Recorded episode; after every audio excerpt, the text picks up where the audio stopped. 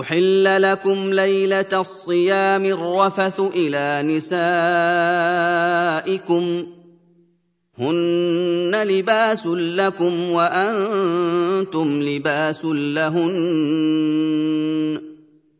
علم الله أنكم كنتم تختانون أنفسكم فتاب عليكم وعفى عنكم فالآن باشروهن وابتغوا ما كتب الله لكم وكلوا واشربوا حتى يتبين لكم الخيط الأبيض من الخيط الأسود من الفجر ثم أتموا الصيام إلى الليل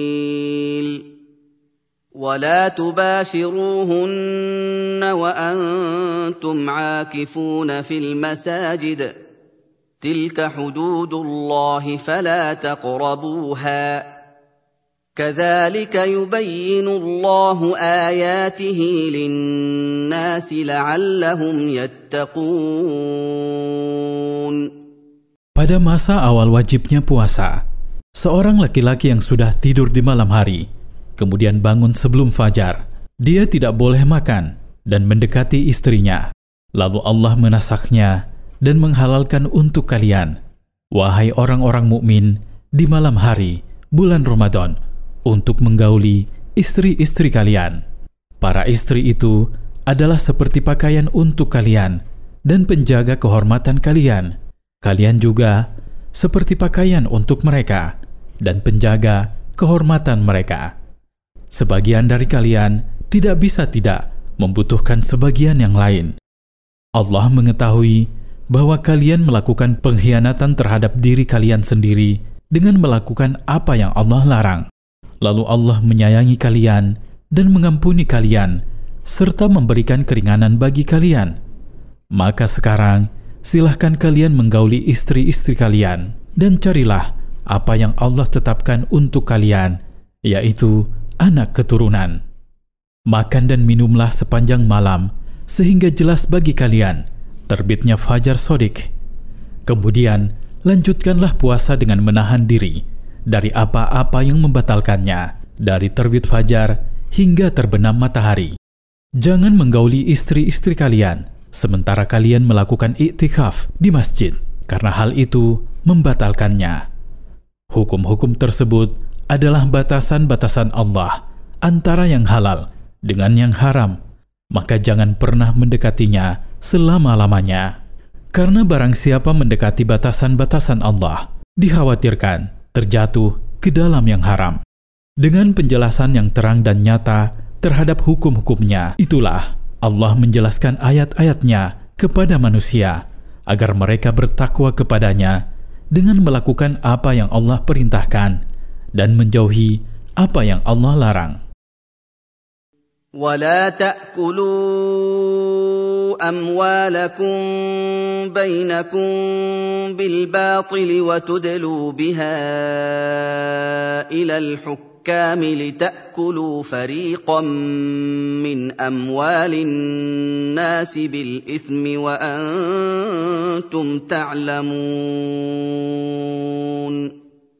Janganlah sebagian dari kalian mengambil harta sebagian yang lain dengan cara yang menyalahi syariat, seperti mencuri, merampas, dan curang. Jangan memperkarakannya ke pengadilan dengan tujuan agar kalian bisa memakan sebagian dari harta orang dengan cara dosa dan maksiat, padahal kalian mengetahui bahwa Allah mengharamkan hal itu. Melakukan dosa, padahal sudah mengetahui bahwa ia haram, adalah lebih buruk dan lebih berat hukumannya. يسالونك عن الاهله قل هي مواقيت للناس والحج وليس البر بان تاتوا البيوت من ظهورها ولكن البر من اتقى واتوا البيوت من ابوابها واتقوا الله لعلكم تفلحون Orang-orang bertanya kepadamu, wahai Rasul, tentang pembentukan bulan sabit, dan perubahan keadaannya? Jawablah, seraya menjelaskan hikmahnya, bahwa sesungguhnya ia adalah tanda waktu bagi manusia. Dengannya mereka mengetahui waktu-waktu ibadah mereka, seperti bulan-bulan haji, bulan puasa, dan haul zakat. Sebagaimana mereka mengetahui waktu-waktu untuk muamalah mereka, seperti masa penentuan pembayaran diat dan hutang.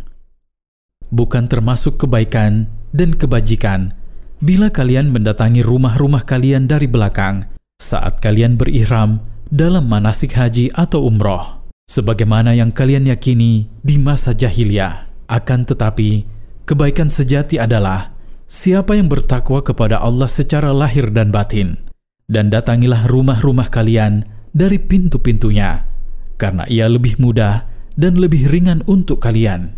Karena Allah tidak membebani kalian dengan sesuatu yang mengandung kesulitan dan keberatan bagi kalian, dan jadikanlah antara diri kalian dengan azab Allah tameng berupa amal soleh, agar kalian beruntung dengan meraih apa yang kalian harapkan dan terhindar dari apa yang kalian khawatirkan.